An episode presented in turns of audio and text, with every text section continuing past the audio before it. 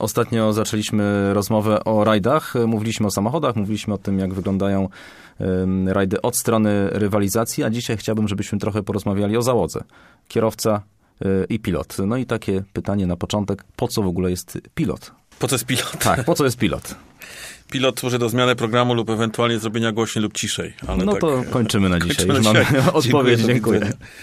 Ten pilot y, kiedyś był kojarzony także z mechanikiem pokładowym. Z mechanikiem, z gościem, który nie tylko Kiedyś e, nie opisywało się tak odcinków specjalnych w zamieszłych czasach jak teraz. Pamiętam, jak rozmawiałem z Andrzejem Zebrzuskim, który opowiadał wyjazd z e, mistrzem zasadą do Ameryki Południowej na kilkutysięczno-kilometrowy rajd, kilka tysięcy kilometrów odcinków specjalnych. Nie dało się wszystkiego opisać. Opisywało się początki OS-ów 20, 30, 40 kilometrów. Opisywało się trasy na zasadzie takiego języka właśnie tego mówiącego, w którą stronę jest zakręt, żeby na tych odcinkach nadrabiać e, czas, jakby wyprzedzać, żeby mieć lepszy opis i wtedy jechać szybciej niż w ciemno. No. Są teraz, do, teraz są nawet rajdy mm, w Skandynawii, tak zwane ślepe rajdy, w których nie robi się opisu, tylko dostaje się książkę drogową, no i na podstawie tej książki drogowej, która ma narysowane w kratkach jakieś tam informacje, gdzie trzeba skręcić co ile kilometrów, jedzie się w ciemno i ten pilot już ma pierwszy kontakt ze sportem, mm, podaje kartę na punkcie kontroli czasu, bo mamy takie jakby też karty do odbijania swoich przejazdów na start do odcinka i koniec odcinka, też książka drogowa, no bo jest jakiś sposób komunikacji organizatora z zawodnikiem, gdzie się trzeba dostać. I kiedyś, jak troszeczkę to wyglądało, to ja pamiętam czasy, kiedy też o tym kierowcy mówiło się jako, o tym pilocie mówiło się jako drugi kierowca. Zresztą do teraz jest taka nomenklatura używana jako co-driver, czy drugi kierowca, bo to kiedyś był faktycznie drugi kierowca. Przy tych yy, rajdach, takich dużych maratonach w latach 40., 30., yy, dużo jeżdżenia było. E, bo drugi kierowca też z jakąś tam wiedzą e, techniczną był potrzebny. Teraz oczywiście ta wiedza techniczna nadal jest potrzebna, ale kierowca, ale pilot jest taką sekretarą i ja to nie boję się tego słowa używać. Jest sekretarą, która ma wykonać wszystkie czynności, aby kierowca mógł się skupić tylko na jeździe samochodem. W idealnym świecie. Oczywiście kierowca też ma swoje tam e, rzeczy, w których się bardziej orientuje lub mniej, Natomiast to pilot e, ma za zadanie przeczytać, mówimy o rajdach takich typowo samochodowych, rajdach, gdzie mamy do pokonania załóżmy 10 odcinków specjalnych i pilot ma przeczytać opis tej trasy przygotowany wcześniej w trakcie zapoznania z trasą rajdu. To zapoznanie robić wspólnie, czy na przykład sam jako pilot Docelowo, docelowo czy generalnie powinno być wspólnie, czyli mm, ponieważ każdy pilot ma swój sposób zapisu trasy ołówkiem, zeszycie, długopisem gdzieś tam, jakby każdy, tam swój pilot ma też swój język, każdy ma swoją czcionkę czy styl pisma, yy, więc to jadąc na, zapoznaniem, na zapoznanie z trasą ustaloną przez organizatora wtedy i wtedy przed rajdem, przejeżdżamy tą trasę dwa, trzy razy w zależności od imprezy. Kierowca podaje informacje, jakie chce usłyszeć. Potem dla sprawdzenia pilot to czyta. Przejeżdżamy autem cywilnym zgodnie z przepisami. I jak się wszystko zgadza, no to, się, to już z tym opisem gotowym startujemy do odcinka specjalnego i teraz w roli pilota jest to, żeby przeczytać w taki sposób, żeby trafić w proces decyzyjny kierowcy, ja to tak nazywam. Czyli jeśli kierowca dojeżdża do zakrętu, widzi do niego tam kilkadziesiąt metrów, no to chciałby wiedzieć już teraz, co jest za chwilę, więc pilot musi to przeczytać.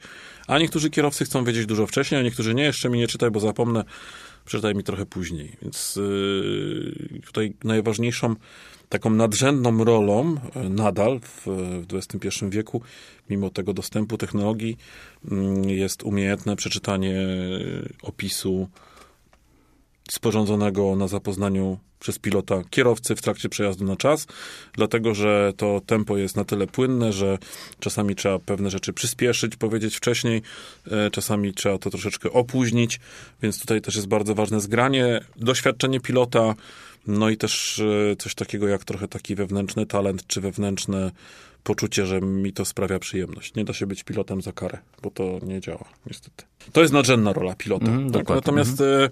tych elementów jest wiele, począwszy od organizacji imprezy, kierowca może sobie zażyczyć, nie wiem, to zarezerwuj nam hotele, wyślij zgłoszenie na rajd, opłać wpisowe, tutaj proszę, masz dostęp do pieniędzy.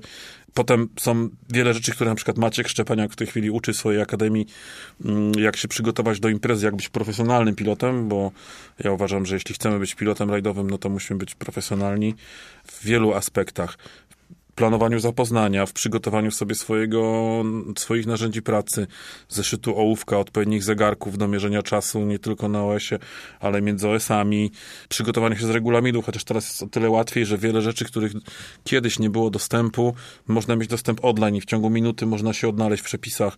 Nie trzeba mieć teraz mapy papierowej, rozkładanej i się zastanawiać, w którą stronę mam jechać, tylko da się planować zapoznanie z trasą rajdu, bo organizator to jakoś tam e, uściślił, czy usankcjonował na podstawie mapy, map Google, czy, do, czy zanim mapy Google powstały, można było to robić normalnie nawigacji satelitarnej. Czyli takiej, technologia pomaga na pewno. Ale rozumiem, pomaga. że kartka, ołówek, długopis cały czas jest. Były próby, były próby, nawet są aplikacje, były próby do czytania z tabletów.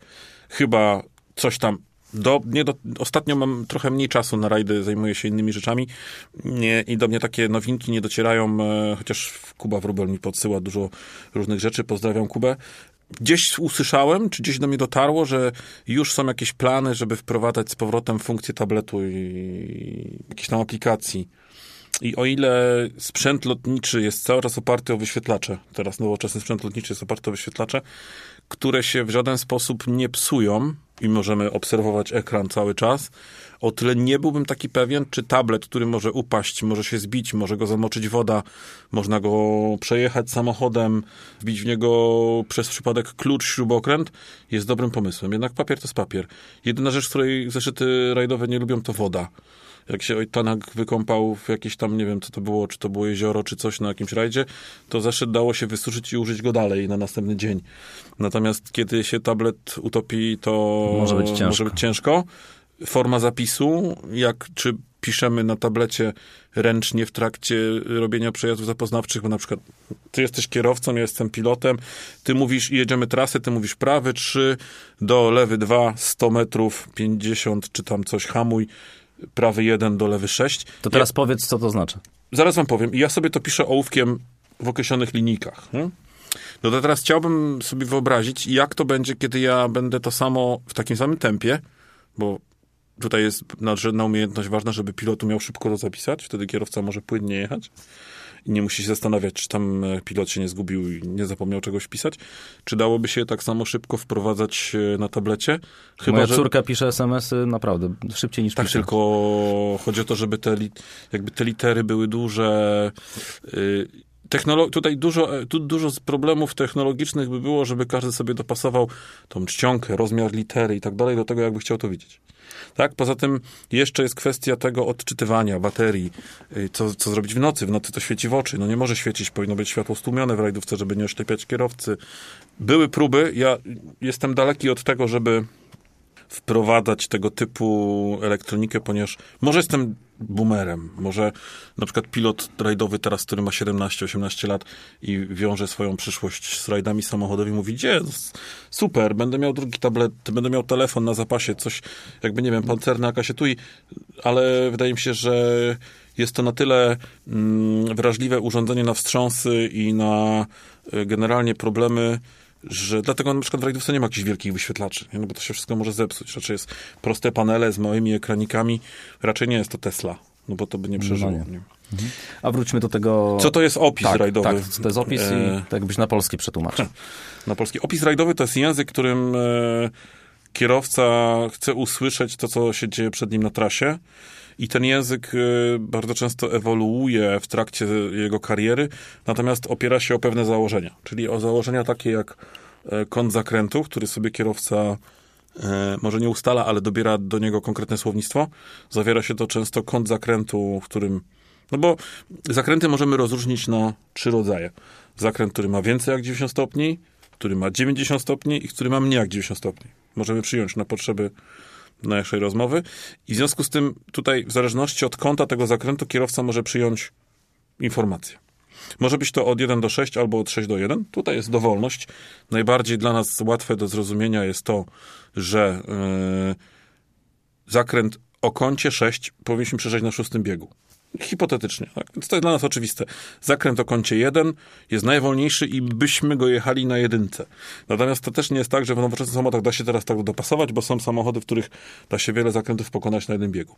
Ale jakbyśmy sobie tak obrazowo spojrzeli, to zakręt 1 i zakręt 0, czyli taki można powiedzieć więcej jak 90 stopni, będzie dla nas oczywisty, a zakręt 6 to będzie taki prawie ledwo widoczny zakręt. I gdyby tylko takiej nomenklatury używać, to byłoby to proste. Natomiast e, są też zawodnicy na świecie, na przykład Sebastian Lep, czyli chyba najbardziej w tej chwili znany, można powiedzieć, e, kierowca rajdowy na świecie, e, nowożytni, używał opisu kątowego. Czyli on sobie dopasowywał kąt zakrętu z grubsza do tego, jakim kątem on jest. Na przykład prawy 70 lewy 120, bo on miał takie specjalne tam kreseczki na kierownicy z oznaczeniem kątów i dla niego taka informacja była czytelniejsza. Zresztą język francuski lubi takie sformułowania i da się to szybko czytać. Natomiast trzeba zwrócić uwagę, że my między zakrętami, na przykład prawy 3 i lewy 6, czyli prawy 3, średni zakręt, lewy 6 bardzo szybki, wstawiamy cyfry, tak? Liczby. I te liczby zawierają się mniej więcej w metrach, które jest między zakrętami. I niektórzy kierowcy robią to mocno na oko, bo im tak pasuje, a niektórzy starają się tak co, 10, co do 10 metra, albo nawet co do, pię, do 5 metra ustalić dokładnie tą wartość. Czyli mniej więcej chcą wiedzieć, czy to jest 70 czy 100. Dla nas to nie ma znaczenia na ulicy. 70, 100 nie ma znaczenia. Ale w wielu przypadkach te 70 albo 100 metrów ma kolosalne znaczenie. Więc yy, potem na końcu wygląda tak, że jest lewy 6, 70, prawy 3, 50, lewy 1, 300, ileś tam. I o tym mówi język yy, yy, rajdowy opis. I jeśli byśmy chcieli zrozumieć, jakby na czym to polega, to jest to opowieść trasy. Jak kierowca zamyka oczy i pilot mu to czyta, to kierowca jest w stanie sobie wyobrazić sam kształt drogi, która na niego czeka. Oczywiście informacji jest wiele pobocznych czy zakręt jest ciasny, zaciska się, czy zakręt się otwiera. Jeszcze wprowadzamy plusy i minusy, bo te kąty nie do końca są takie, jakby nie, prawy 3 nie pasuje, prawy 4 nie pasuje, to trzeba coś po środku znaleźć, więc jest plus albo minus. Mm, jest wiele też informacji dodatkowych określających przyczepność, że ślisko, psy w piasek, a też takie informacje, gdzie można ciąć, czyli można zjechać częścią auta na trawę lub nie ciąć, bo jest jakaś przeszkoda. To jest opowieść o tym, co się zda, zdarza na drodze. I niektórzy kierowcy sobie ją bardzo ubarwiają, jak ja to mówię, czyli chcą mieć dużo informacji. Nietnik, krawężnik u, i tam do lewy trzy y, za białe drzewo, a niektórzy po prostu sobie wpisują to, co jest takie esencje najgęstsze. To zależy, to tylu ilu kierowców, tak jest wspólny język, pokrywają się pewne komendy, natomiast chyba nie spotkałem, e, no ja akurat dużo kierowców, dużo, dużo kierowców spotkałem na swojej drodze, ale chyba nie spotkałem tak, żeby o, to ty masz dokładnie tak samo jak tamten. Tutaj jest, e, tak, jest łańcuch DNA, każdy ma inny, tak tutaj postrzeganie trasy, opis, e, intonacja, tempo czytania, każdy ma inne. Dla pilota trudno się przestawić z jednego kierowcy na drugiego? Jeśli jeździsz e, bardzo długo, kilka, kilkanaście lat z jednym kierowcą, to ciężko. Natomiast kiedy, twoje, kiedy życie cię sprawdza i musisz co jakiś czas regularnie zmieniać e, swój warsztat pracy, to zaczyna być to coraz łatwiejsze bo jesteś nauczony różnych obszarów, jakby różnych środowisk. Hmm? Czyli jak pracujesz w jednym środowisku, jakimś tam, to przejście do innego jest problemem. Jak pracujesz w wielu, to już jesteś na tyle y, doświadczony, że szukasz tego idealnego rozwiązania, bo masz katalog dostępnych rozwiązań. Pamiętam, kiedyś rozmawialiśmy o twoich y, wspólnych jazdach z Robertem, to pytałem o to, czy pilot i kierowca to jest takie stare, dobre małżeństwo, czy jakie są relacje między nimi? I tak nie. Są zespoły, w których e, są pilot i kierowca, którzy są nierozerwalni, są, chcą, chcą być przyjaciółmi, albo wychodzi tak naturalnie. Są też rodzeństwa, które się dogadują albo nie. To jest ciekawe, że są bracia, którzy ze sobą jeździli i się dogadują, a są bracia, którzy się nie dogadują, po prostu tak życie ich poukładało. Natomiast ja z perspektywy czasu stwierdzam, że nie, nie z każdym da się być przyjacielem. Nie każda załoga musi być małżeństwem. Tak, czasami się spotykamy, żeby wykonać jakieś zadanie, aczkolwiek to jest też tak, że tak, wydaje mi się, że kierowca dobiera sobie pilota, bo to z reguły takie, że kierowca dobiera sobie pilota, też trochę w kwestiach może chemii, czyli jeśli z kimś się dobrze rozmawia generalnie, to chętnie by z nim pojechał, ale jak się nie rozmawia i ktoś jest e, odrażającym typem albo jest niemiły, nie, nie będzie prób wspólnych startów, bo to się nie może nie udać. Natomiast tak, no, generalnie sta, staramy się pracować tak, żeby było miło. Nie no zawsze wychodzi. Jasne. A co zrobić, żeby właśnie udawały się te wspólne jazdy? Bo na czym, kiedy możecie powiedzieć, że z tym kierowcą jeździ się dobrze, albo pilot y, powie, albo kierowca powie, z tym pilotem jeździ się dobrze. To znaczy wtedy, kiedy się dokładnie wstrzelisz w swoje, w swoje informacje, jeżeli chodzi o czas i tak dalej, i tak dalej? Bardzo często, moim zdaniem, to nie są y, te cechy, które określają, czy będziemy jeździć razem, czy nie, są poza zakresu profesjonalnego, czyli poza zakresu służbowego. Jeśli jesteśmy na jakimś poziomie, kierowca ma doświadczenie, pilot ma doświadczenie, to myślę, że w tej kwestii, w tym środowisku pracy, tutaj nieporozumień nie będzie. No bo każdy wie, co ma robić. Więc tutaj powstaną nieporozumienia w kwestiach, w których każdy ma inne spojrzenie na sfery życiowe. Tak? Czyli jakiekolwiek inne, nie wiem, ja lubię palić papierosy, ten typ kierowca tego nie toleruje. E, jeden lubi jeść spaghetti, drugi, nie wiem, je tylko zielone. No to tutaj e, są różnice.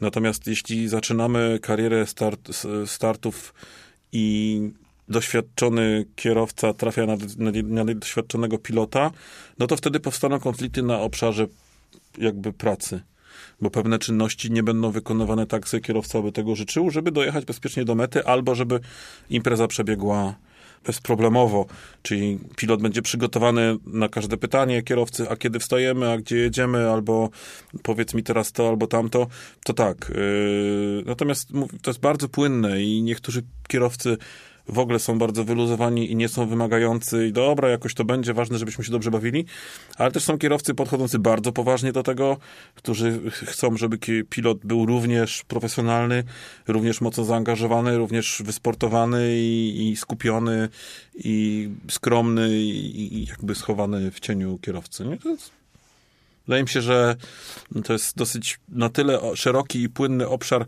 takich cech fizycznych, psychicznych i dopasowania, że mogliśmy gadać o tym w nieskończoność. I to jest obszar, o którym trudno się mówi, bo, bo to jakbyśmy wchodzili trochę w wewnętrzne mm, tematy załóg, to wtedy byłoby łatwiej zrozumieć. Nie? No to na pewno, czyli te relacje na pewno na poziomie tym profesjonalnym, jeżeli chodzi o komunikację, no to wiadomo, że, że są, ale mówi, że decyduje czasami ten pozasportowy, że tak powiem, czynnik, kto z kim lubi jeździć. Nie powinien, ale często decyduje. To znaczy, jeśli ktoś e, nie lubi rozmawiać o samochodach, a druga osoba lubi rozmawiać o samochodach, albo mamy inne spojrzenie na jakieś tam warunki finansowe, czy na coś innego, to nie powinno to wpływać na...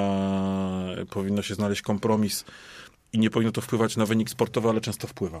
Niestety. No to jak każdy ma swoje jakieś tam... Czyli musi być chemia. Się, dlaczego jestem z tą e, kobietą albo z tym mężczyzną, a dlaczego nie z tamtym. Czyli musi być chemia po prostu. E, jakaś tam na pewno. W którymś obszarze musi być. Tak? Czyli fajnie mi się z tą jeździ, fajnie czytasz, ale niestety nie lubię, nie lubię z tą przebywać.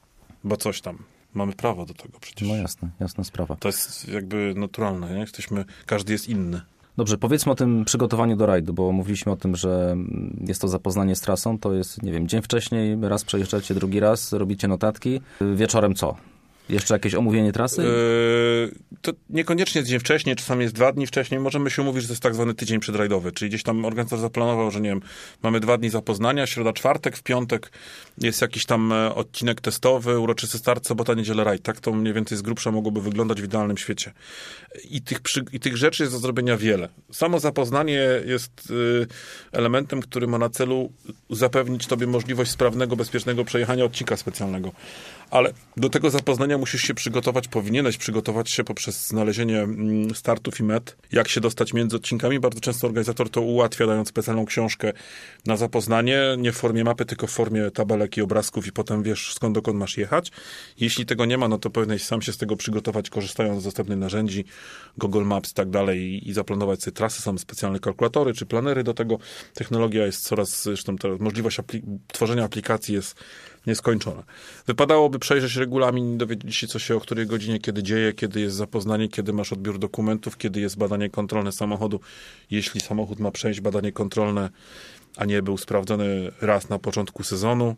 Trzeba by wiedzieć, kiedy jest uroczysty start, y, bo często imprezom sportowym towarzyszy uroczysty start w jakimś tam miejscu y, wyznaczonym przez organizatora, jakiś ratusz, w sensie jakiś rynek, ważna instytucja i wtedy spotykamy się wieczorem przed rajdem o tej, tej godzinie. Wypadałoby też wiedzieć, gdzie jest serwis, y, dokąd będziesz wracał według książki drogowej po odcinkach, skąd będziesz startował. No i wypadałoby wiedzieć też, o której godzinie trzeba wstać, trzeba sobie policzyć czas na dojazd, na zjedzenie śniadania, na inne fizjologiczne potrzeby, skomunikować ten e, obszar kierowcy, ewentualnie też mechanikom, jeśli od tego cię potrzebują. No i to, co najważniejsze w wielu przypadkach, to jest sprawdzenie notatek, czyli jeśli piszesz ołówkiem, to musisz i poprawiasz potem, nie ma czasu na gumkowanie w trakcie drugiego i trzeciego przejazdu na przykład, tylko przekreślasz, wpisujesz od nowa. Wypadałoby, żebyś miał zeszyt zrobiony na czysto, jak to się mówi, czyli wygumkowany tak, żeby się nie pomylił czytając.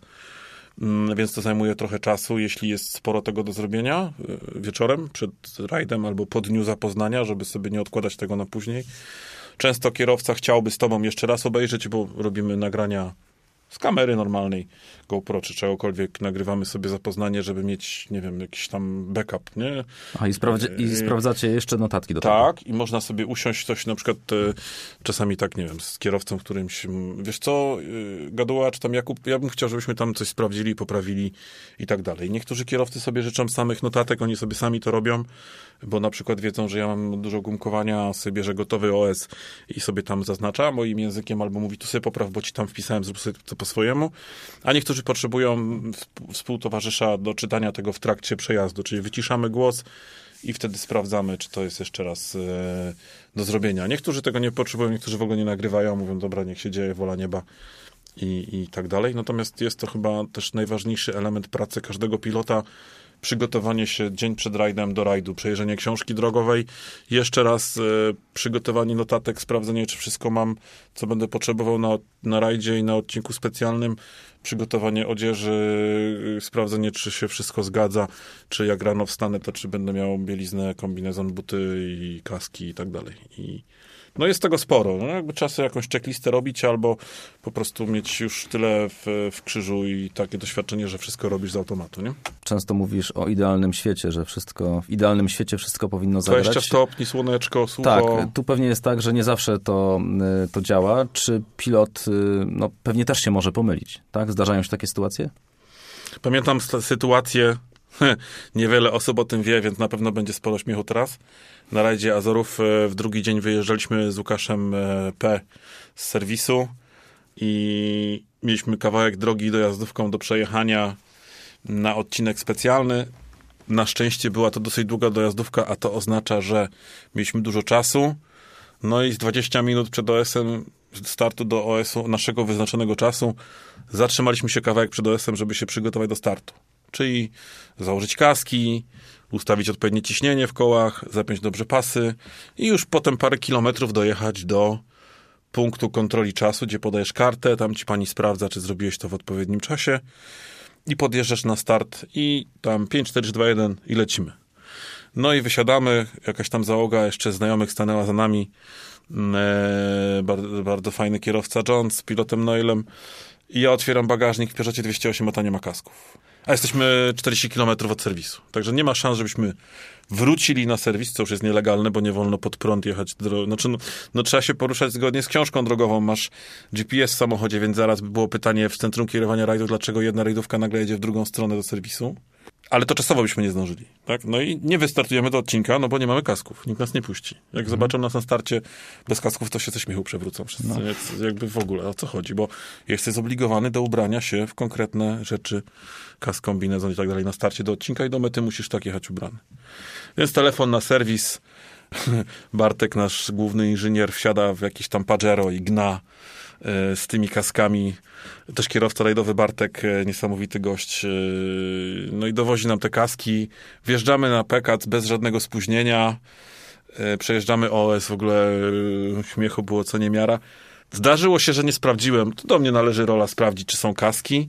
Zdarzyło się, że nie sprawdziłem, czy są kaski. Te kaski ktoś wyjął z rajdówki, za, znaczy ktoś, no, wyjęliśmy z rajdówki, nie chcę już mówić, że ktoś, włożyliśmy do ciężarówki serwisowej, A ja byłem przekonany rano, że te kaski nadal były w rajdówce, że zostały w takich specjalnych e, siatce. To pewnie sprawdzasz teraz. Zawsze. Tak, tak, teraz sprawdzam. Teraz sprawdzam trzy razy. Jakaś tam e, takie rzeczy zdarzyły się komuś, że ktoś zapomniał balaklawy pod kask, to przerabiał ją ze skarpetki, żeby cokolwiek mieć na głowie. Zdarzało się też zapomnienie zeszytu z opisem, słuchaj. To nawet się zdarzyło na poziomie mistrzostw świata. Co wtedy? E, akurat Z nas- głowy? E, z- Wiesz co, w tej chwili możliwości są nieskończone.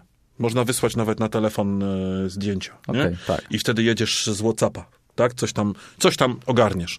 Kierowcy niektórzy bardzo pamiętają trasę, więc załóżmy nawet jakbyś z Whatsappa jechał, coś by się nie zgadzało, to nie wiedzą. Można nawet na nielegalu puścić kogoś na skróty, gdzieś tam podać ten zeszyt, tak? No bo to jest najważniejszy element w samochodzie. Natomiast na rajdzie Safari się kiedyś zdarzyła taka rzecz, chyba w latach 2000 w jakiejś tam załodze czołowej z Mistrzostw Świata, że któryś z, ze szpiegów, czy ktoś tam czytał opis ze śmigłowca lecącego nad rajdówką. Więc to takie rzeczy się zdarzają, to jest niesamowita historia. O jest wygrany zresztą przez tą załogę. Ale Safari to jest inna historia, bo widać długo i tak mniej zakrętu. zupełnie coś innego. niż na przykład taki rajd, nie wiem, rzeszowski między drzewami po krętej drodze, no nie udałoby się. A zdarza się, że na przykład może się kartka skleić i pilot się po prostu pomyli. Zdarzy, zdarzyła mi się kartka, y, ja się na szczęście odpukać. Nie pomyliłem tak nigdy, że skończyliśmy poza drogą. Zdarzają się takie przypadki, że pilot się pomyli. Może się też pomylić, to jest, y, jesteśmy tylko ludźmi. I zdarzają się przypadki, że pilot się pomyli i przeczyta złą linijkę, albo przejęzyczy się, albo złą stronę, no, przerzuci mu się. Aha, czyli zamiast w prawo jest w lewo, tak? Na Albo przykład. zamiast y, wolnego zakrętu przeczyta szybki, to są największe błędy. Mi się zdarzyło, że mi się skleiła kartka, nawet nie, że skleiła, tylko na rajdzie Polski jechałem z Michałem Strirem, te bardzo specyficznie mi się z, jakby zwałkowały narożniki zeszytu i przewracając y, kartkę nagle się okazało, że zacząłem czytać coś, ale nie pasowało do tego, co jest przed nim. Ale ponieważ była to dosyć szeroka partia i długie, proste i tak dalej, no to Michał się zorientował, mówi, chyba, ej, chyba to nie to. I faktycznie one się tak, te kartki śmiesznie zwinęły, że się złączyły jedna z drugą i przewróciłem dwie. Dlatego staram się mieć zawsze świeży zeszyt, zawsze te kartki tak, żeby się nie przewracały. Oczywiście zdarzyło mi się też we, mgle zgubić, bo to jest bardzo trudne, żeby się nie zgubić we mgle. Mm, Nawet z Robertem Kubicą kiedyś mi się na mile milia chyba zdarzyło zgubić we mgle. Kiedyś zgubiłem zeszyt po zapoznaniu. Wyobraź sobie, zostawiłem zeszyt na dachu auta do zapoznania, odjechaliśmy, wróciliśmy za trzy minuty, zeszytu nie dało się znaleźć. Na, na szczęście wtedy były, to, był począt, to były moje początki, to był 2000 chyba pierwszy rok, Raj Rzeszowski. Pamiętam, że wtedy nie było limitowana ilość przejazdów na zapoznaniu, więc zrobiliśmy po prostu Jeszcze raz to samo. Jeszcze raz to samo, ale po razie, bo już mieliśmy wszystko w głowie, więc tylko zapisaliśmy. Także takie przypadki, e, przypadki niezabrania czegoś są e, częste. Natomiast tak, mówię, teraz jest o tyle łatwiej, że da się pewne rzeczy szybko gdzieś dostarczyć. O kurde, nie wziąłem tego, nie wziąłem tamtego, dzwonisz na serwis, ktoś tam wsiada w furę i, i leci w twoim kierunku, gdzieś tam ci podaje. Nie? To nie jest legalne do końca, ale takie rzeczy się zdarzają. No koniec względem temu, kto nigdy nie zapomniał, e, bo to, jeśli masz czas się przygotować do imprezy, przyjeżdżasz na serwis, wypijasz kawkę i sobie to wszystko poukładasz, spakujesz sobie do rajdówki kask, balaklawa, wszystko przygotowane i masz tam jeszcze 15 minut do, do wyjazdu, na, bo, bo z serwisu też się wyjeżdża o swojej minucie, no to jest spoko. Ale nagle na przykład jedziesz na taki serwis, nagle ciężarówka leży w poprzek drogi. I już wiesz, że y, musisz szukać objazdu i wpadasz na ostatnią chwilę na serwis i wtedy się robią kłopociki. A tego zapomniałeś, tego zapomniałeś, tego sobie nie przełożyłeś, bo już tutaj się spinasz, nie? A mówiłeś o tym, że zgubiłeś się podczas rajdu. Rozumiem, że p- pomyliłeś trasę we mgle. Y, Jak to w ogóle jest? Bo przecież cały czas masz nos w notatkach. Patrzysz, co się dzieje dookoła, chociaż jednym okiem? Jak to wygląda? Tylko wiesz, jak e, masz czytać do przodu, czyli masz przeczytać coś, czego jeszcze nie ma, a załóżmy, że ty to widzisz albo kierowca to widzi. Są, kierow- są piloci, którzy bardzo dobrze czują pośladkami, plecami, co się dzieje w samochodzie, no ale we mgle każdy się może zgubić. To jest największy problem przy lotnictwie, no bo tracisz orientację, nie wiesz, gdzie góra, gdzie dół. A tutaj tracisz orientację i nie wiesz, w którym miejscu tego asfaltu czy szutru jesteś. I najczęstszym błędem we mgle, czy w braku widoczności jest pojechanie zbyt daleko do przodu, czyli przeczytanie za dużo informacji do przodu, podnosi, przeczytałeś prawy 6, podnosisz głowę, jest lewy zakręt. I nagle jest konsternacja. Gdzie ja jestem? I jeśli kierowca wie, że się zgubiłeś i mówi, a jesteśmy tu, to ty szybko szukasz tego zakrętu, próbujesz się odnaleźć. Czasami się uda, czasami nie. Czasami jest taki stres, od razu się pojawia taki stres, że yy, nie do odnalezienia jest. Zdarzyło mi się wielokrotnie, że tam ktoś mówił, dobra, to czekaj, to ja pamiętam, co jest dalej, nawet mi się zdarzyło kiedyś zgubić na OS-ie, którym nie było mgły, po prostu ferworze walki, tu nie włącz mi jakieś ogrzewanie, otwórz okno, coś, podnosisz głowę, mówisz, kurde, nie wiem, gdzie jestem. Nie? Na większości OS-ów w Polsce jestem w stanie się odnaleźć, bo wiem, gdzie jestem, bo pamiętam. Ale pojadę gdzieś w obce miejsce i, i się nie odnajdę, no bo nigdy tu nie byłem. Byłem dwa razy. Nie? I, I w związku z tym, o kurde, przydaje się pamięć fotograficzna. Ja pamiętam niektóre miejsca, bo obrazy, wiem, że tu byłem, wiem, co tu jest, ale, ale to nie zmienia to faktu, że można sobie też w zeszycie punkty charakterystyczne nanosić, nie wiem, jakiś znak, jakiś dom i wtedy czekasz, dobra, tam wiem, że tam jest taki dom na tym zakręcie, dojedziemy do niego i jedziemy dalej potem. I do tego czasu, dopóki się nie odnajdziesz, no to kierowca jedzie to, co widzi, albo nie widzi. Jedzie wtedy dużo wolniej? Jak to jest właśnie? Jak nie pamięta, to tak. Można to jakoś porównać do czegoś? Ile wolniej na przykład? No, tak wolniej, żeby nie, żeby nie dać się zaskoczyć przez zakręt, nie? Jakby nie możesz wjechać na 100% ani na 70, tylko na 50-40, nie? No bo nie wiesz, czy się zakręt nie zamknie i Czyli różnica jest kolosalna skręci. tutaj. No tak? różnica jest kolosalna, tak? Natomiast cały czas yy, powtarzam, w Polsce, kiedy zawodnicy w większości pamiętają OS-y, da się jechać na pamięć cały OS, nie? Pojedziesz w świat na OS, który ma 40 kilometrów tysiące zakrętów już nie pojedziesz na pamięć, no bo nie, nie zapamiętasz tego. I tutaj rola pilota jest kluczowa. Dobra, pomyli się pilot, kierowca co na to? Bo pewnie jeździłeś z różnymi kierowcami, jakie reakcje są wtedy? Mm, Wiesz co, to, to nie, że ja jeździłem, tylko to też można oglądać w świecie rajdów. Czasami jest jakaś wściekłość, bo od tego zależy wynik. Czasami nie ma to wpływu na wynik, bo strata jest żadna albo minimalna. Czasami się kończy w rowie i wtedy yy, albo kierowca mówi, no, no sorry, winę tu, yy, taki mamy sport i, i, i razem się mylimy, razem ponosimy odpowiedzialność. Czasami kierowca mówi, dobra, to teraz mi oddawaj za spoiler i za klapę. E, i za Poważnie lampę, tak, jest? tak, a czasami po prostu poprawiamy koronę i, i jedziemy na następny rajd. To w, albo sobie to, albo to jest e, umówione od początku do końca w jakichś tam umowach e, i umowach też honorowych, albo jest to improwizacja po tym, co się zdarzy. Nie? Dlatego my się pilnujemy, staramy się pilnować, żeby tych błędów było jak najmniej, no bo z reguły to tak się utarło kierowcy wolno popełniać błędy, pilotowi nie. Mhm. Taka jest tutaj, znaczy, to mnie zaskoczyło, anegdota, co teraz, anegdota. teraz to mnie zaskoczyło, co powiedziałeś, oddawaj za maskę i, i lampę, bo w idealnym świecie jest tak, że razem wygrywamy, razem przegrywamy. W idealnym świecie. I też takie rzeczy się mogą zdarzyć i zdarzają. Mogą się zdarzyć. Się, nie wiem jak teraz, kiedyś się zdarzały na pewno. Nie siedzisz w innej lodówce, nie wiesz. Ale jest tak, tak, ty płacisz. Jest często tak, twój błąd, ty płacisz. Ale jak mój błąd, to ja sobie sam zapłacę.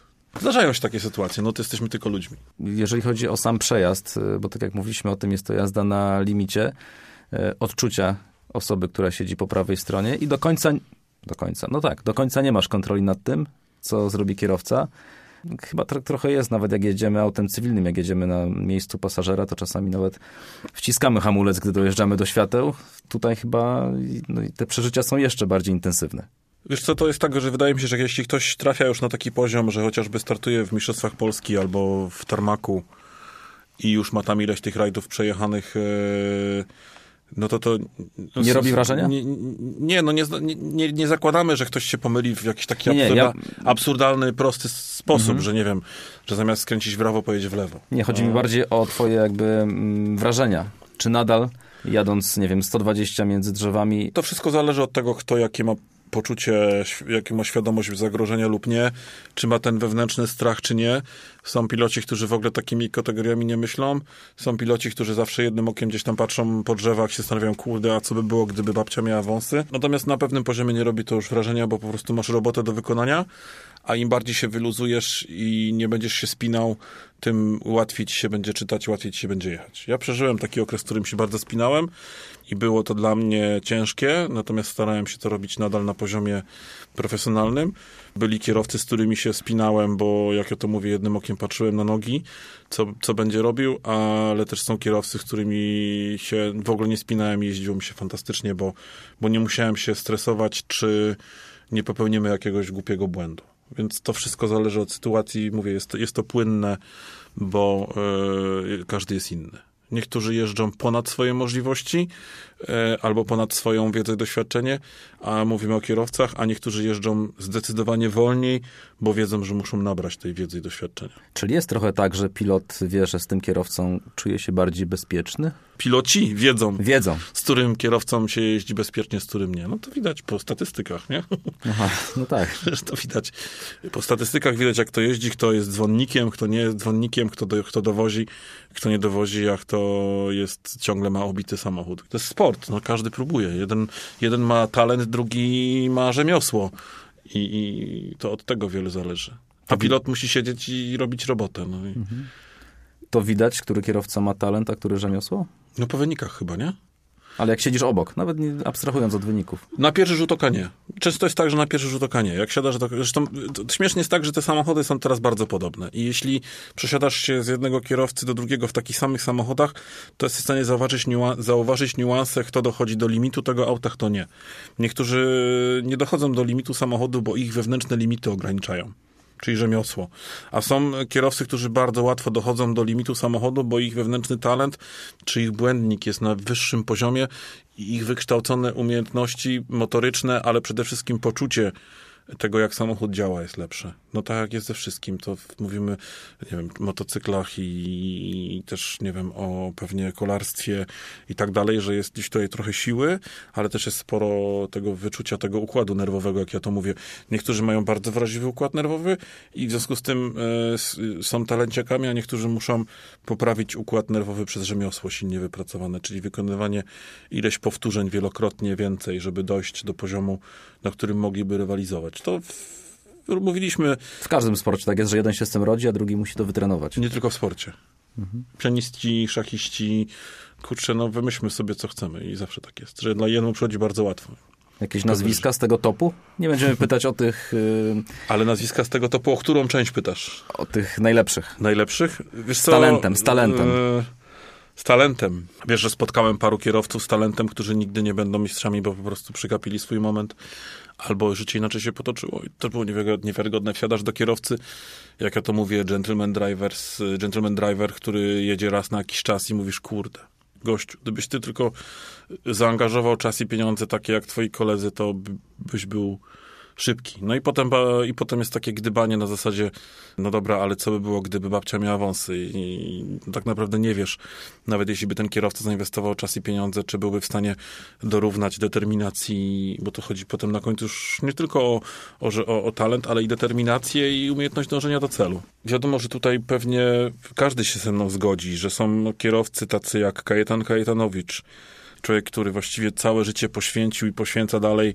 rajdom samochodowym i też spotyka teraz y, trudniejszych przeciwników w Mistrzostwach Świata i też musi rzemiosło wypracowywać, bo, bo, bo już tam jest wymagana ciężka praca. Robert Kubica, człowiek o niewiarygodnym talencie i niewiarygodnym rzemiośle mm, w tych dziedzinach, w których, sportowych, w których się można było spotkać. No ale ta Formuła 1 zawsze go tam gdzieś pokarała właśnie jakimiś gorszymi zespołami, musiał gonić. Ja uważam, że teraz takiego gigantycznego talenciaka wspieram go jak tylko mogę, Kacpra Wróblewskiego. To jest gość, który przy bardzo małym możliwościach finansowych robi wielkie rzeczy, bardzo dużo jeździ i świetnie się na niego patrzy. Z taką niesamowitą lekkością jazdy i lekkością bytu w ogóle funkcjonuje. Jest takim fajnym generalnie kierowcą, fajnym gościem. Dobrze trafił na świetnego pilota z Kubą Wróblem, im się razem dobrze pracuje, więc tutaj widać, że te dwa talenty się tak połączyły razem tych zawodników jest y, wiele, którzy, którzy widać, że mają talent, ale brakuje zawsze czegoś. Jakby tutaj albo brakuje tego, albo tutaj brakuje tego. No Grzesiu Grzyb, gigantyczny talent, sportowiec przede wszystkim. Gość, który wie na czym sport polega generalnie, bo po, AW, po AWF jest, jest trenerem. I też narty i, i, i niesamowity w ogóle człowiek, który jeździł w wyścigach. E, straszny talent i on, jemu w ogóle to przychodzi niesamowitą lekkością. On w ogóle jest, jakby ten jego układ nerwowy jest tak przewrażliwiony. Leszek Kuzaj, z którym startowałem, e, człowiek, któremu najłatwiej to przychodziło w najtrudniejszych momentach, czyli dla niego najłatwiejsze były te naj, najtrudniejsze OS-y. Im trudniej, tym lepiej było dla niego. Z Tomkiem Kucharem wiele kilometrów przejechanych, niesamowite rzemiosło. Tomek miał wszystko przewidziane, przeliczone, wypracowane, a jak działa to, jak działa to. Każdy gdzieś tam, jak ja to mówię, ma swojego bzika i każdy gdzieś tam znajduje siebie w którymś obszarze, w którym będzie mu się dobrze pracowało. Tak jak Brian Bouffier kiedyś powiedział, taki kierowca z Francji, też mistrz Polski, musisz wiedzieć, gdzie jesteś szybki i tam być bardzo szybki. Tak? No bo to musisz umieć wykorzystać. Jeśli tutaj mi jest dobrze, to tu nie możesz zostawić żadnego zapasu. Tak? No bo tutaj wygrywasz. A tam, gdzie jesteś słaby, tam będziesz dużo przegrywał. Więc musisz zbilansować to mocne wygrywanie z przegrywaniem. No tak, ciebie. Dobrze mi się biegnie tam, ale tam będę przegrywał, więc tu, gdzie mi się dobrze biegnie, muszę dać z siebie 100%. Bo No, inaczej dokładnie. przegrasz wszędzie. Zapytam cię jeszcze o to, jak rozpocząć e, taką przygodę, żeby zostania pilotem, bo rozumiem, że szkoły dla pilotów rajdowych nie ma. Maciek Szczepaniak teraz uruchomił swoją akademię wirtualną A jednak. i, i live. Bardzo polecam. E, W końcu człowiek z gigantycznym doświadczeniem jest w stanie, chce przekazywać swoją wiedzę. Kiedyś e, swoją szkołę pilotów miał Jarosław Baran, taki też legenda w rajdach samochodowych i to w przed e, cyfrowych czasach były to analogowe spotkania i szkolenia analogowe. Uważam, że jeśli chciałby ktoś wejść w rajdy, powinien wiele rzeczy na początku dowiedzieć się od y, starszych kolegów, jak coś zrobić tak i tak, żeby po prostu nie wyważać otwartych drzwi. Kuba Wróbel robi zajęcia indywidualne często. Mi się też zdarzyło parę razy spotkać się z załogami czy z pilotami na temat e, tego, jak coś zrobić. Często się jednak zdarza sytuacja, w którym każdy chce sam doświadczać pewnych błędów, czy kopiować pewnych rozwiązań e, od innych, ale popełniając błędy i też nie, dowie- nie pytać się, a jak mam zrobić to, jak mam zrobić tamto. Ja kiedyś dużo się pytałem, czy Maćka Szczepaniaka, czy Jar- Jar- Jarosława, czy Jarka Barana, czy innych pilotów, a powiedz mi to, a powiedz mi tamto, po prostu uważałem, że jestem za głupi, czy za mało doświadczony, żeby coś od razu wiedzieć. Teraz jest też dużo łatwiej. Mamy dostęp do wielu platform czy społecznościowych, gdzie możemy pewne rzeczy podpatrzeć, posłuchać opisu. Teraz w ogóle znalezienie jakiegokolwiek onboardu nie jest żadnym problemem. Tak Po prostu otwierasz, sieci. za tak? 10 sekund masz jakikolwiek onboard, możesz sobie posłuchać tempa, intonacji, e, możesz też sobie zobaczyć w sieci dowolną ilość zeszytów, e, rodzajów zeszytów, ołówków. Masz aplikacje czy układy, które ci pomagają przygotować się do zapoznania. Wiele rzeczy. Kiedyś tego nie było. Kiedyś dostałem informację, że jak jedziesz na Mistrzostwa Świata i robisz zapoznanie, to nie możesz jechać w ciemno i otworzyć mapę i powiedzieć, hmm, musimy chwilę poczekać, bo nie wiem, gdzie mam jechać, bo na to nie ma czasu, tylko musisz pracując z mapami papierowymi, wtedy nie było czegoś takiego jak Google Earth, czy jak weszło Google Earth, to to była jakaś w ogóle rewolucja i pracując z mapami sobie pisałeś w, w tabelce, zresztą do dzisiaj tak wielu pilotów robi, żeby nie, nie zastanawiać się, nie szukać jakby kierunku jazdy. Jak skończysz ten OS, to skręcasz w prawo w tą drogę, potem za 10 km w lewo i tak dalej. Bo to jest czas ważny, tak? Masz ograniczony czas na zapoznanie. I nauczenie się pewnych procedur, ale też wypracowanie swoich procedur, nawet zrobienie prostego, prostej checklisty, czy mam wszystko spakowane, czy wiem to, czy, czy umiem to, jest już jakimś pierwszym krokiem do tego, żeby robić to profesjonalnie, a potem z czasem wypracowujesz. Jednak nie taki ołówek, tylko taki. Jednak nie taki zegarek, tylko taki. E, Poduszka pod zeszyt dziurawy rajd, nie taka, tylko taka, żebym sobie tak napisał, żebym nie musiał tego przepisywać, bo się nie rozczytam. To z, e, z czasem krew, pot i łzy musisz jakby wylać. Ktoś, może ci ktoś pokazać, zrób to tak, tak, tak i tak, ale ty powiesz, no nie, no jakby mi to nie pasuje, muszę na własnej skórze doświadczyć e, innych rozwiązań. I to Jakbyś- jest temat rzeka. A jakbyś miał wymienić takie najważniejsze cechy, jaki, jakie pilot rajdowy powinien posiadać? Przede wszystkim nie wyczerpane pokłady cierpliwości. Tak? Czyli pilot zawsze musi na coś czekać. Zawsze czeka na kierowcę, zawsze czeka aż coś tam. Jakby pilot to jest generalnie cierpliwość. Tak? Nie, pilot nie może być furiatem, nie może być krzykaczem, nie może być nerwowy, nie może się zbytnio uzewnętrzniać emocjonalnie. E, Mi się też to często zdarzało, taka jakby euforia startu. Raczej pilot powinien być w cieniu, schowany, spokojny, wyważony i cichy raczej chyba. Tak mi się wydaje. Czyli tylko odzywać się na pytanie.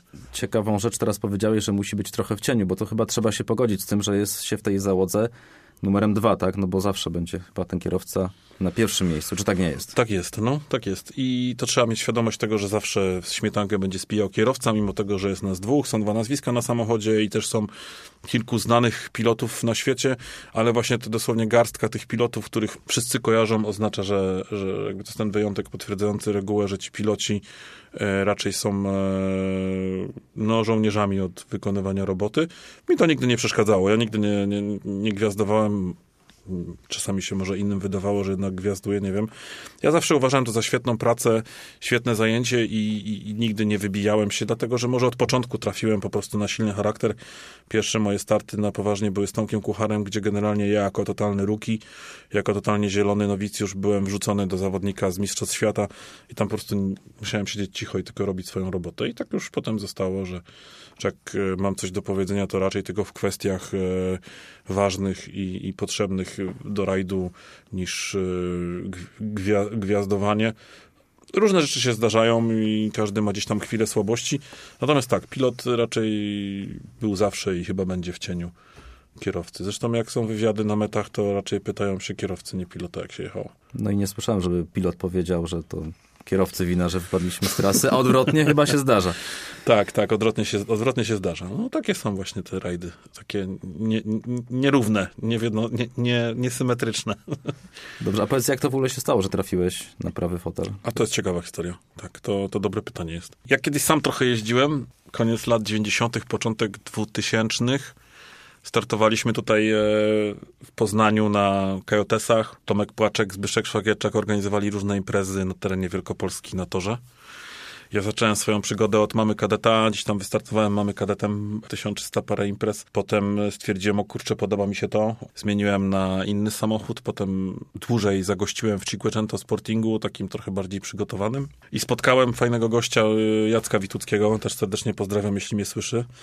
I Jacek Witucki równolegle startował e, ze mną w różnych imprezach i to też był właśnie okres, kiedy wszyscy uważali go za największy talent w Wielkopolsce, jeśli chodzi o rajdy. I Jacek wtedy jeździł e, Polo G40, takim śmiesznym samochodem z kompresorem 1.4 i stwierdził, i kiedyś zapytał mnie, czy pojechałbym z nim na jakiś rajd gdzieś tam w inny rejon, w okręg bydgoski. Ja chyba nie miałem za bardzo na to budżetu, żeby pojechać swoim samochodem, ze swoim jakimś tam pilotem, więc y, on zapytał, no to może pojedziesz ze mną, zobacz, pojedziesz sobie też na rajd, ale pojedziesz jako pilot. Mówię, kurczę, no dobra, nie, dawaj, spróbujemy. Spodobało mi się to, bo to też adrenalina, też emocje, ale też trochę inne. No i tak potem zostało. Z Jackiem pojeździłem trochę po okręgu bydgoskim, po różnych rajdach. Gdzieś tam udało nam się wygrać ten okręg bydgoski. Potem była zmiana na Astrę, no i stwierdziliśmy GSI, stwierdziliśmy, że spróbujemy swoich sił w Pucharze PZ Motu. No i gdzieś tam jakieś rajdy Mielin, potem cały sezon Astron, począwszy od rajdu lubelskiego, tam spotkałem wtedy pierwszy raz Maćka Szczepaniaka, Tomka Kuchara. Przejśmy sezon e, Astrom, dobrze się to poukładało, no ale potem e, Jacek miał dosyć poważny wypadek na ulicy, nie ze swojej winy, trafił do szpitala na bardzo długo i tak temat trochę umarł na parę lat, mimo tego, że jakieś większe plany były startowe w 2001 i 2002 roku. No a w 2004 roku spotkałem na swojej drodze Tomka Kuchara, tam mu dostarczałem jakieś części samochodowe z hurtowni i tam mu wierciłem dziurę w brzuchu, on mnie kiedyś zaprosił na jakieś testy i potem pojechałem z nim e, treningowo rajd. E, total, totalny jakby ruki też, nie? Nawet pojechałem ze zwykłym wskazówkowym zegarkiem, słuchaj, wyobraź sobie, wskazówkowy zegarek jest mm -hmm. mało dokładny, więc na no. rajdzie ci nie pomoże, no tak. musisz mieć cyferki. Jasne. E, wesoło było, no. I, i pojechałem z Tomkiem Kucharem rajd Kormoran, taki drugoligowy, czy to był Agapit, już nie pamiętam teraz dawne czasy. I potem zaprosił mnie na pierwszy wspólny start duży od razu na Mistrzostwa Świata na rajd Korsyki. No i tak ten rajd Korsyki przytulaliśmy się z nie najgorszym wynikiem mm, po asfalcie, rajd tysiąca zakrętów i tak zostało potem. I tak stopniowo ja się szkoliłem trochę, w sensie on mnie szkolił właściwie w całym aspekcie życiowym i rajdowym i życiowym i ja miałem wtedy tam 20 parę lat, więc to było dla mnie wszystko takie nowe i i takie fajne, nie? No bo kurczę, od razu wlazłem na samą górę, nie? Właściwie od razu do Mistrzostw Polski, do RSMP, tam doświadczenie koledzy i w ogóle, wiesz, nie? Tak myślisz sobie, ole, jestem teraz pilot, nie? No właśnie, gdybyś miał wymienić swoje trzy największe sukcesy? Największe sukcesy? Spo tak, sportowe. No to po kolei. Wicemistrz Polski e, z Tomkiem Kucharem i mistrz grupy N i dwa razy wicemistrz, i dwa razy mistrz Polski co nie było łatwe z Jankiem Chmielewskim w Ośce i w Pucharze Citroena i, i w klasie. To wydaje mi się było takie, to były takie duże wydarzenia i, i, i duże starty. Mm, no i wydaje mi się fajnie też, jakby, jakbym miał dołożyć do tego to wicemistrz Polski z Grzegorzem Bonderem, dwóch emerytów, czterystolatków się kiedyś porwało na starty z małolatami i mimo tego, że jakby no nie jesteśmy już najmłodsi, nie, nie mamy już jakiegoś tam resztki talentów zostały, bo Grzesiu Bondar kiedyś też niesamowicie szybki kierowca, to udało nam się gdzieś tam z młodszymi, sprawniejszymi powalczyć, także na podium stanęliśmy. A był jakiś OS, który do dzisiaj pamiętasz, bo był po pierwsze świetnie przejechany i zostawiliście gdzieś w tyle konkurencję? Pamiętam mm, parę OS-ów, bo myślę, że te najszybciej przejechane OS-y są w takim transie, w takim widzeniu tunelowym, że, że dojeżdżasz na metę i się rozglądasz, mówisz, kurczę, jak ja się tu dostałem. Przynajmniej tak to jest u mnie. Jak zaczynam czytać już tak OS w takim tempie, to, to właściwie te zmysły wszystkie są odłączone, yy, postrzegania i tak dalej. Pamiętam jeden OS z Tomkiem Kucharem na rajdzie świdnickim, to już był Świdnicki, czy jeszcze Elmot, kurczę, nie pamiętam. Michałkowa pod górę, jakieś takie gigantyczne tempo, po prostu pamiętam do dzisiaj, że tam ścigaliśmy się, to było cały czas gonitwa za Brianem Buffie i za całą resztą. Pamiętam, że ten OS był, tak, jak, jeśli pamiętam go, to on naprawdę musiał, musiał mi się, siąść e, w pamięć. Pamiętam z tego samego sezonu jeden z ostatnich OS-ów e, na rajdzie Orlen w Płocku z Tomkiem Kocharem, kiedy tutaj ważyły się losy wicemistrza Polski i mistrza w grupie N. I ja pamiętam, to chyba, był najbar- chyba byłem najbardziej zestresowany przed startem do tego OS-u. Nawet y, Tomek Kuchar się zapytał, a ty co się tak przestałeś odzywać, nie? Bo ja przecież mi się gęba nie zamykała. Co się tak przestałeś odzywać? Jeszcze cię nie widziałem tak skoncentrowanego. Ja mówię, no bo stary, mamy do zrobienia ciężką robotę. No jakby tutaj mam... To jest ten OS, na którym będziemy wicemistrzami, mistrzami albo nie. No jakby więc może się czas zamknąć po prostu i zrobić robotę. Nieskończona ilość z Robertem Kubicą no a w zeszłym roku pamiętam jeden z OS-ów, jeden OS z Leszkiem Kuzajem. Wygraliśmy OS w generalce z kodą S2000, która była dużo wolniejsza od samochodów grupy N. To była spalona OS, który przejeździłem wielokrotnie z Tomkiem Kucharem na testach. I zrobiło to na mnie gigantyczne wrażenie, bo w teorii ten samochód nie był w stanie wygrać, chociażby przez dużo mniejszą prędkość maksymalną. Wtedy z Mitsubishi z autami grupy N, grupy N bardzo szybkimi, no ale udało się wygrać. Ostatnio nawet e, gdzieś tam wspominałem na Facebooku, bo ktoś wrzucił e, zdjęcie na którymś z profilów rajdowych o Łukaszu Pieniążku i jeden z OS-ów takich legendarnych, bo tak zwane FAFE na razie Portugalii byśmy na siódmym miejscu w generalce, czy na ósmym miejscu Mistrzostwa Świata, drugie miejsce w autach WRC2, więc też takie wydarzenie duże. Pamiętam, kurde, to jednak tempo z Mistrzostw Świata jest potężne, to już czujesz w aucie, że się szybko jedzie. No a zeszłego roku z jednym z kierowców e, walka do końca z Grześkiem Grzybem e, na Radzie Świdnickim i ten ostatni OS taki do końca. Tam niewiele brakło do Grzegorza, ale ten ostatni OS był taki potężny i też szybko przejechany. A to widzenie tunelowe, o którym mówisz, jak to można opisać? Rozumiem, że jest to taka prędkość, e, takie skupienie, taka adrenalina, że wszystko poza samochodem znika, tak? To jest taki trans, w którym zaczynasz widzieć tylko drogę przed sobą. No, czyli zeszyt, zeszyt i drogę. I to jest taki moment, w którym to wszystko tak się skleja ładnie, czyli to, co ty mówisz, tak fajnie dociera do kierowcy, ty widzisz, że on kątem oka, czy w ogóle czujesz, że do niego, że ta informacja, którą ty z siebie wyrzucasz, trafia w jego proces decyzyjny i on jakby dokładnie zaczyna, y, jakby widać, że on to słyszy w tym momencie, w którym by chciał, zaczyna jechać coraz pewniej, coraz sprawniej, tak czysto, tak z takim determinacją, bo wie, że wszystko mu się zgadza. Zgadza mu się moment otrzymania informacji, zgadza mu się informacja, intonacja i że ty bo to jest takie wspólne nakręcanie się trochę. Ja doświadczyłem to z kilkoma kierowcami, że my się wspólnie nakręcaliśmy aż do takiego, taka spirala tempa, gdzie dochodziliśmy do takiego maksymalnego tempa, ale nadal było czuć, że jest bezpiecznie. Moje dyktowanie powodowało u kierowcy zwiększenie tempa, ale do takiego czystego, a jego zwiększenie tempa powodowało u mnie coraz większe napięcie, takie zaangażowanie większe. No i im bardziej jesteś zaangażowany, tym bardziej twoje ciało w takim systemie walki wyłącza te elementy, które nie są ci potrzebne, zaczynasz widzieć coraz wężej i tylko się skupiasz, twoje ciało się relaksuje, zapominasz w ogóle, że masz coś innego oprócz głowy i układu nerwowego, no i po prostu zaczynasz czytać tak, żeby czujesz tą wewnętrzną więź, y, w którym wiesz, że on tego potrzebuje, a to, co on robi, napędza ciebie. To jest ten idealny świat. To jest ten idealny świat, tak. To się zdarza rzadko. Ale tak się robi wyniki. Tym idealnym światem się robi wyniki.